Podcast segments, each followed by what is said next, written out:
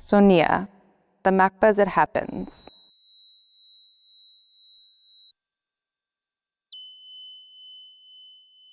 Marek Tuszynski is the Director of Programs and Technology for the Tactical Technology Collective, an international NGO founded in 2003 that helps rights advocates use digital resources safely and effectively through a wide range of on and offline tools such as films, toolkits, guides, events, and workshops.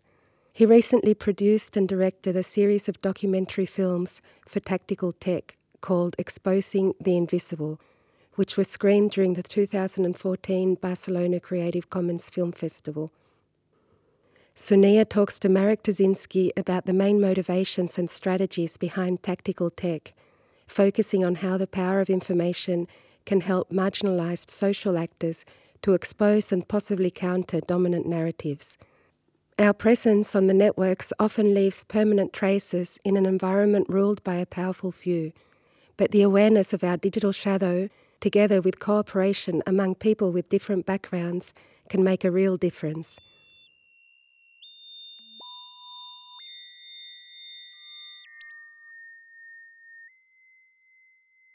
The Tactical Tech Collective.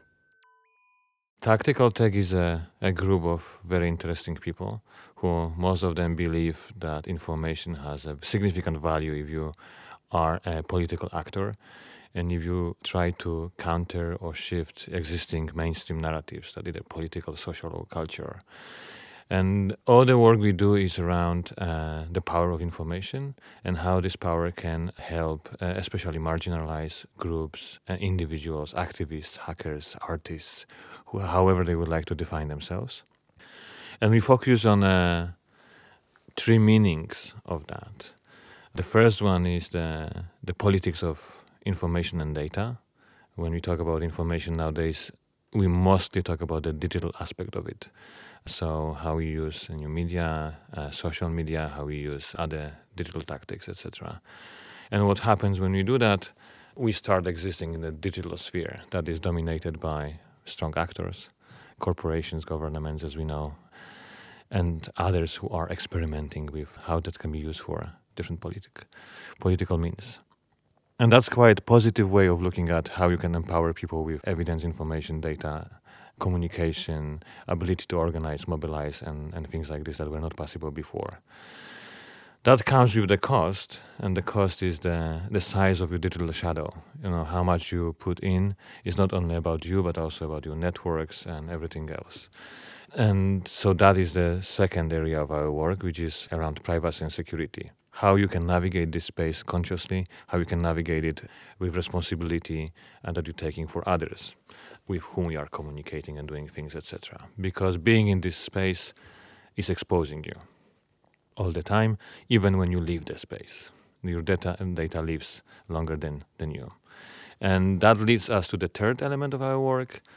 We also believe that even small actors nowadays, because of this potential of the digital sphere, can shift and expose very complex issues or problems, etc. And so those are the three elements. So the purpose of the organization is to emphasize the, the power of information, look at different tools and tactics, but also expose the so-called dark side of being in the digital space.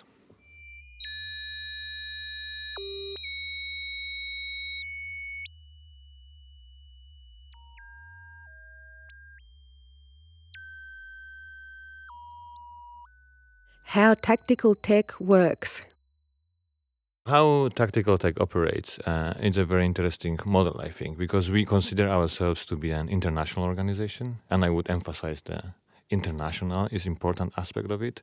So whenever we act on any local level, either by doing a training or advising somebody or uh, working on certain campaigns, we work with partners and people who are from the local context. And uh, our role we see as a, you, you can name it cross pollinator, somebody who is connecting networks. And we really believe that uh, you can uh, achieve a lot when you mix different expertise and skills. So we like to work with uh, groups that usually do not talk to each other. And a good example here is techies, hackers, artists, and uh, activists, or even just NGO uh, workers they often find difficult to find a common platform or language even to discuss issues. They may have the same motivations, they may have the same ideas, but they speak different languages. And our role here is to kind of bring them together and facilitate the process of a common understanding and actually acting together. So we work with a lot of individuals. We mostly build informal networks. We know the membership organization. So uh, the networks happen through trainings, workshops, uh, distribution of our materials, organizing screenings, uh, discussions, very informal uh, ways of collaboration across borders, across languages and cultures. We also work um, on producing a lot of things. So we produce toolkits, guides, films, etc. I think majority, if not all, of our outputs are done together with other organizations. So if you look at the credits, etc., there will be always a number of different partners from individuals to organizations. For us, that's very important. That's why we use all these ideas of uh, free and open source software, Creative Commons, where for us, from the start of producing something, it should be based on a collaboration. We don't have all the expertise, we don't have all the knowledge, and we, we must work with uh, people who have much better context, experience, and so forth.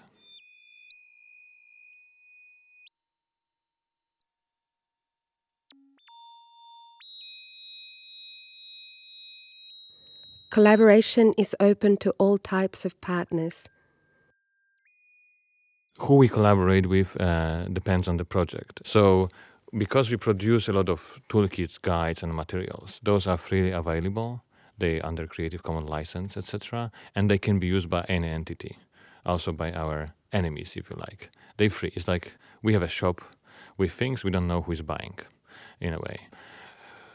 Intentionally, we collaborate with practically anybody but you know collaboration is one thing but who you're getting money from is another thing. So for us the distinction here is very significant. Yes we collaborate. We can go into discussion with government or corporation. It's very important for us to talk to all the uh, spectrum of opinions and ideas and ways of operating. But when it comes who we get the money from uh, that's very important for us to make the statement that we do not accept certain kinds of money and that will be uh, associated with specific governments or specific corporations uh, whose policies or behavior is against what we believe in. And we don't want to be associated with, with that at all.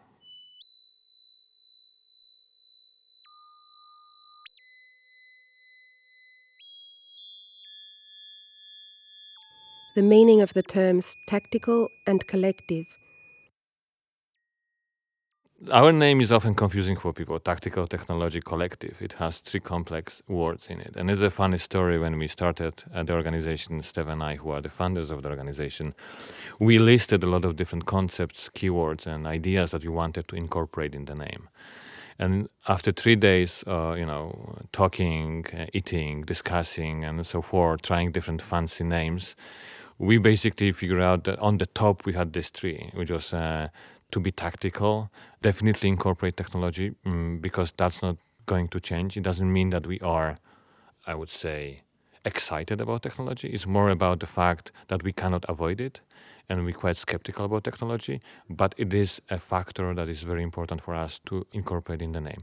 And collective is a kind of a, I would say, a homage to the idea. We are formally not a collective, if you like. Uh, we have a different organizational form, but we would like to act as a collective by including people, inviting them, and also putting out our materials so they can live with whoever wants to use them, remix them, etc. And tactical is probably one of the most confusing words in the name. Usually, when people say, "Oh, you're from uh, right, you're from tactical, tactical, technical uh, something, right?" and uh, etc. That happens all the time, and we used to struggle with that, and now we think that actually is funny.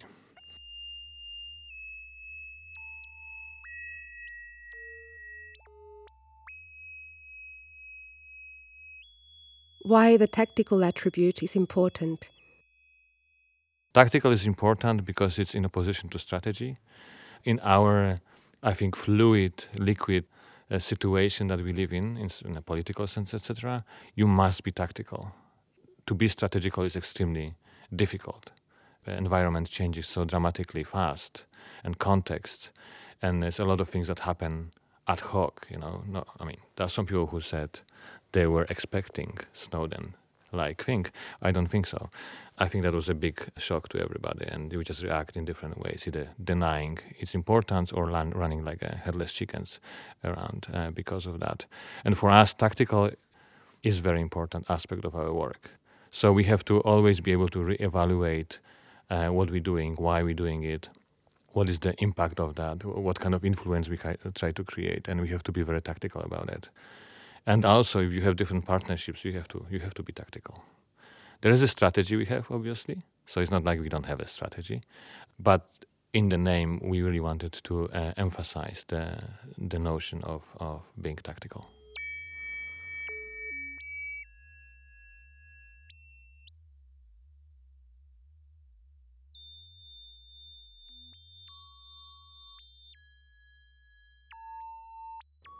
What does creativity mean?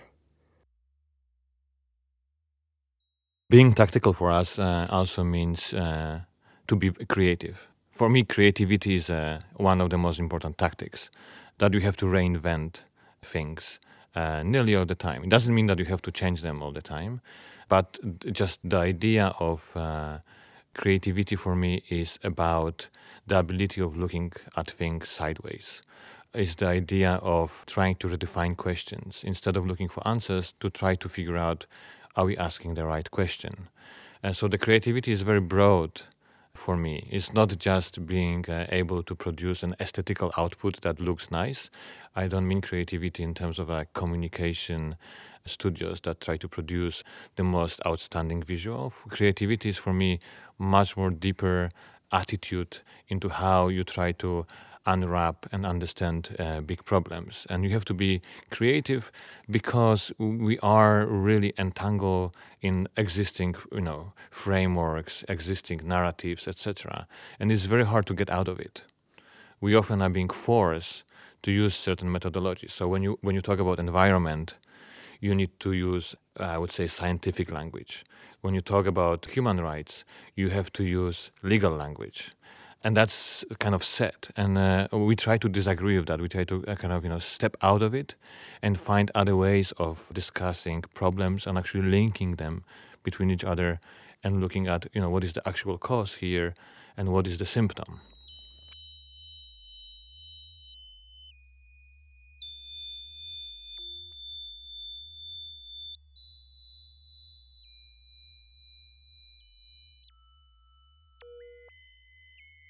Art can provide a safe ground for controversial projects.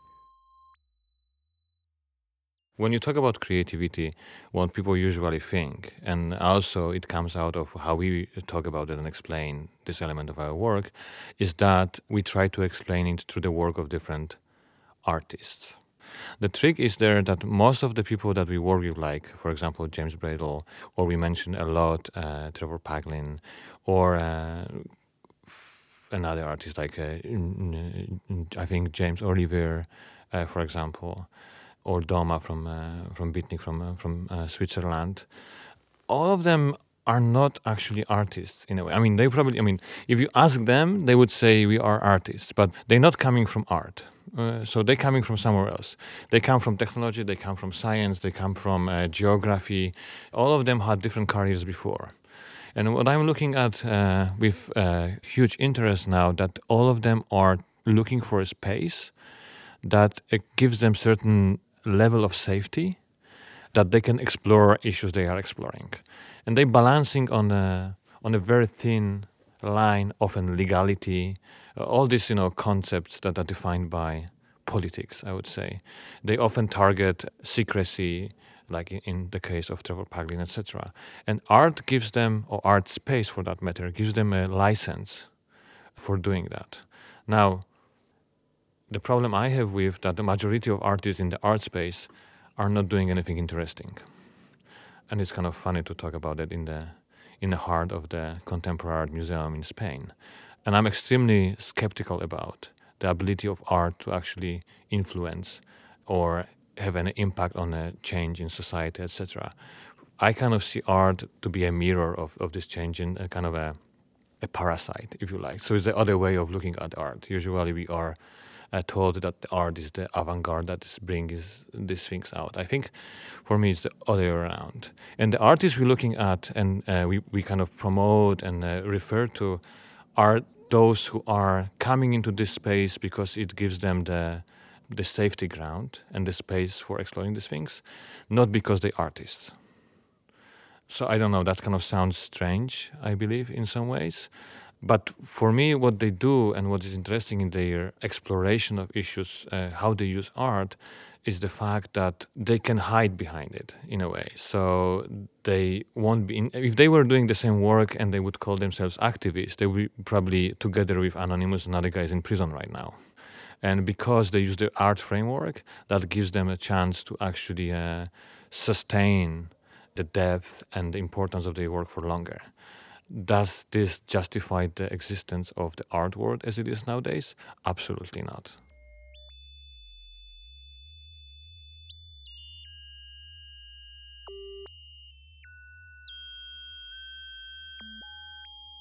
Against individualism in art.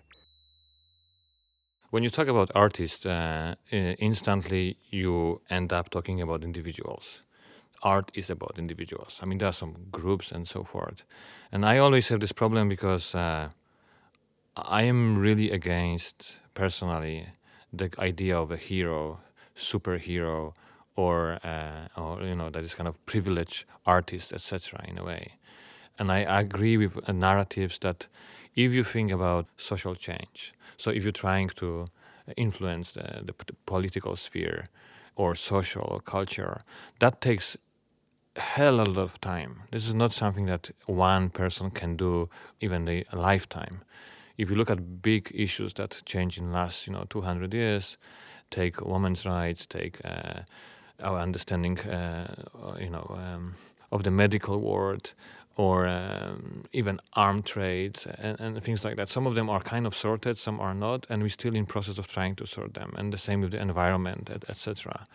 And there's a role there for the individual to give a good example, but they can't change anything by themselves. So I have this uh, kind of a struggle, that is I try to avoid promoting individuals as individuals. I always look at them as people who are able to collaborate. So all the names that we mentioned before, you often talk about them as individuals, like James or uh, Trevor, etc. But they work with other people. They wo- work across disciplines. They, they collaborate f- from groups like from hobbyists to uh, like collectors to people with very specific, uh, very narrow expertise, etc. And that's very important. So I try to promote this idea that an individual has a power uh, because you can be persistent and you can kind of uh, drive, etc. But individual has also a limit and it's very easy target. So you need to work with networks. You need to build them. Uh, you need to enable people. You need to actually show what methods you're using uh, how they work. So that's why we, we promote people who work within this uh, entire free and open source culture and creative commons so we don't look at uh, individuals who work for the sake of promoting themselves but the, the output is public and they openly talk about their methods and you can actually use their tools very, very easily as well and they're inspiring. So I'm, I'm also, you know, I, I really like these people because they're extremely inspiring.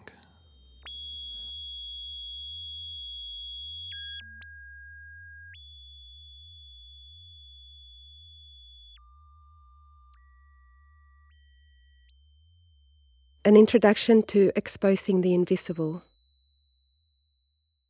Exposing the Invisible is an interesting project. Uh, among many other things, is a series of films, a series of interviews, and a database of resources of different kinds. And it's focusing on two things. The exposing part is obviously uh, looking at groups of people that are trying to ask questions and find answers for them in regards to different issues that are very important for them because of the context, etc. And often what they do is investigation but it's not journalistic investigation. It's a kind of a, a, new form of investigation, I would say. And it's new because they use different tools and they also produce different outputs and they collaborate with different expertise to investigate questions they have. And the other aspect of this uh, is the invisible. And invisible doesn't exist. If something is invisible, that means uh, something is obscuring it, somebody is making it invisible. There's a narrative that is trying to hide something. So when you think about the, the invisibility of uh, different problems, what makes you unable to answer certain questions in the activist context is that somebody has stronger narrative and the majority of us believe in that narrative and you can talk about different mainstream narratives about different problems there will be a group that have access to media or different kinds of broadcasting you can even look at education system etc that they promote certain kinds of narratives uh, of, of how we frame issues and uh, and look at them. So the series is, is kind of exploring how we as individual activists and uh, kind of small actors comparing to those who are in power to create large narratives can counter them or maybe just understand them understand their context uh, or uh, shift them ask questions that would enable people to question them uh, whatever they are and then data and information is very significant here so we, we have the now uh, as we know, this entire tendency of governments getting completely berserk and mad about collecting everything about everything, everywhere, all the time, and because they can. And um, on the other hand, we do as well. So it's not only that we individuals are leaving traces, it's also them leaving traces. So if you use the methodology of Paul Radu from the first film, which is basically very straightforward, follow the money, because when you do any transaction, there will be trace of it. There will be a company, there will be a bank account, there will be the address, there will be the individual signature, etc. And because there's a trace, now we can trace them.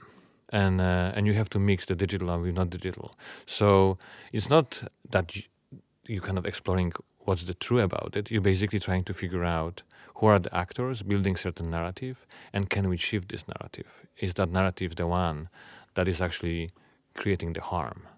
not what they're doing. Or maybe is it justifying certain you know systems, like the fact that uh, the entire offshore system and the ability to create uh, anonymous companies is a system that could be the question, but it's not. So uh, we look at people who are trying to find different narratives and, and propose them and say, okay, if we fix this, then and the entire problem will shift completely.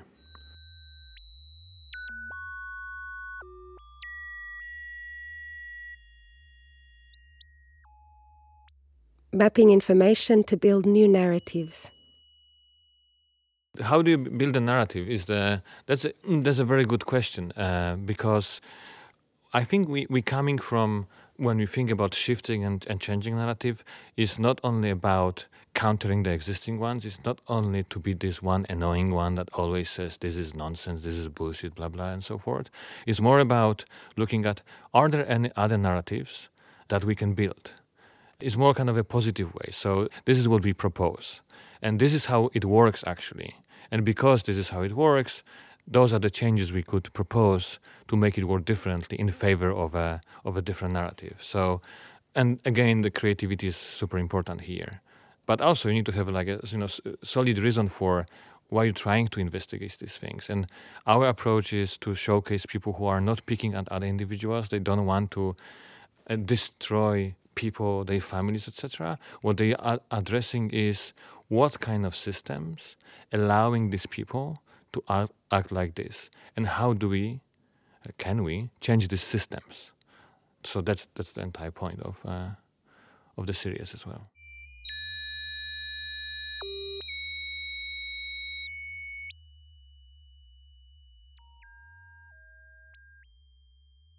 Research as tactic. People who are looking at exposing the invisible, they often focus on the notion of uh, the investigation. And they often are sometimes angry with us that uh, we propose a different concept of investigation. Because for them, the understanding is when you mention the word investigation, it's either journalistic investigation or law enforcement investigation. So either you have a police investigation a case, or you have a, a single individual journalist or a small group that is on the case of somebody or something, trying to reveal the truth about about the, the issue. Um, our take is uh, uh, I don't want to redefine anything. I think uh, investigative journalism is extremely important and will be there, and uh, and, and it's fantastic. What, what's happening to many reporters now are looking for different forms of investigation. And what we are doing, we're not looking at investigating journalists. It's more about, I would say, uh, collaborations between different actors who are trying to define questions and then produce answers for these questions. And they not necessarily have to uh, uh, publish a series of articles in in a newspaper uh, that would uh, threaten certain you know, behavior or certain group, etc. They may actually invest in a much longer process of trying to, first of all, define the, uh, the existing system that enables something that they disagree with, and then try to find uh, a way of building another system or proposing another system. And what happened with the investigation in terms of uh, how activists can incorporate investigation as one of the tactics is that, first of all, you have tools that enable you to go much deeper and quicker uh, through different kinds of data and information. You can also very quickly uh, uh, break the barrier of languages and you can break the barrier of uh, borders. When you look at the complex problems, they're not anymore national if there's a local corruption, it's probably influenced by something coming from outside. And a lot of uh, forms of uh, in, investigative uh, journalism often were focusing on a very specific, small geographic or geopolitical you know, part of the world. We're exploring collaborations that are looking beyond you know borders, beyond Uh, kind of existing networks, and, and the way how you frame issues. And the third thing for me is investigation in activism gives you a chance to bring people who are not very keen on direct action. They're not very good in organizing, mobilizing, but they believe in something and they have time, they have resources, and they have skills, and they can actually work on it for longer periods along with doing other things. They don't have to even define themselves as activists. They can do it, you know, once a week, etc but still as a collaboration they may be able to create a, a, critical mass. So a lot change in terms of investigation as a tactic for activists. And that's that's what we're exploring.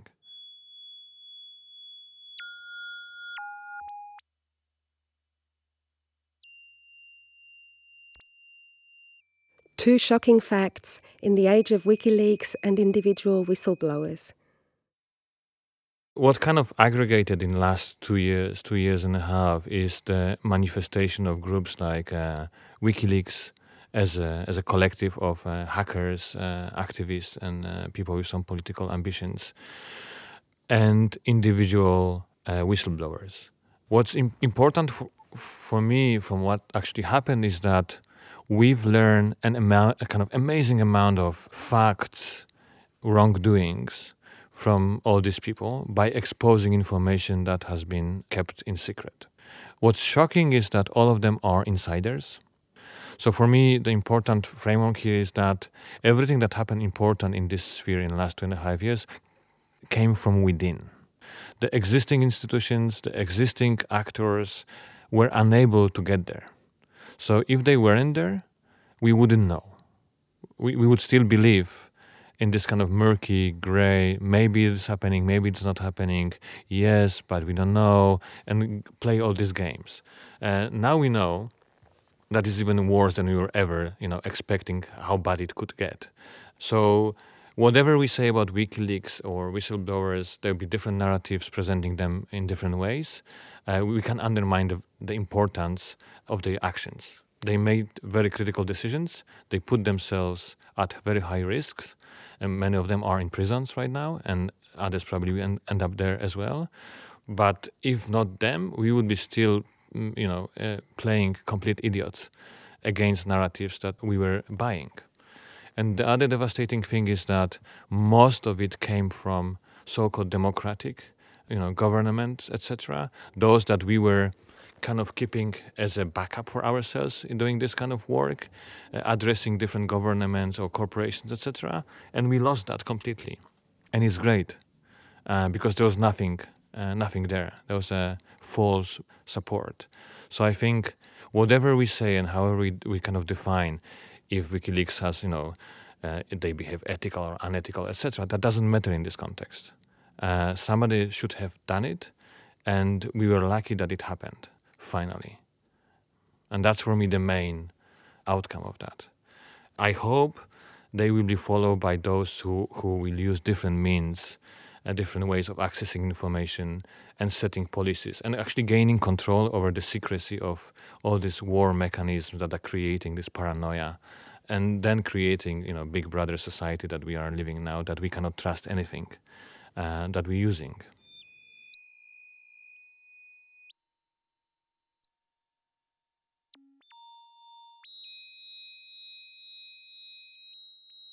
Beyond the post colonial approach,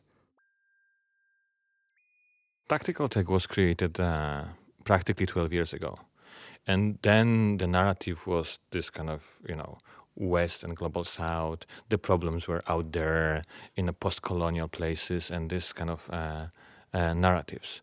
What happened over time of tactical tech working uh, mostly in Southeast Asia, in uh, Eastern and Southern Africa, etc., what we very quickly learned was that this distinction is artificial and uh, there's much more happening uh, from uh, you know Americas or from Europe that we should be looking at. And the reason we've kind of established our presence in, in Berlin recently is that we really think uh, we need to work more uh, in Europe. So why I'm in Spain now, why we uh, try to go to places and meet people, is that for us it's significant to build associations with movements that uh, uh, were built recently in the last four or five years uh, in these places. Now, sometimes people ask me if we collaborate with movements. You cannot collaborate with movements. And those are like two different things. You can build different collaboration with individuals and groups that are kind of a uh, driving forces of these movements and they shift they move etc and you can also get un- to understand their tactics and in a way mainstream them. This is what we do. We try to observe what are the current tactics which are working which are not working how they're used and can kind of you know uh, translate them and publish them for wider use in, in different places. And we often look for people who have a certain expertise and invite them to uh, join groups we work with in other places who may have a similar issue or similar context, that is the political or social context, etc. So um, for me, what is currently very important, we really would like to uh, expand our work and also understanding what's going on in a, in a Spanish-speaking part of the world, which we are not very strong at. We are international, and if you look at the team of 30 people, it's probably um, 15 different uh, nationals, if you like, there. Uh, but still, we are not very strong in collaborating with our potential friends in Spanish speaking of the world, with exceptions, obviously, uh, with Mexico, that we had fantastic collaboration over the last seven years, and a few other places. But those are just uh, big examples showing us that we should do more. So whoever listens to that stream of conscious and would like to collaborate with them, uh, with us, just come over to our website and uh, let us know.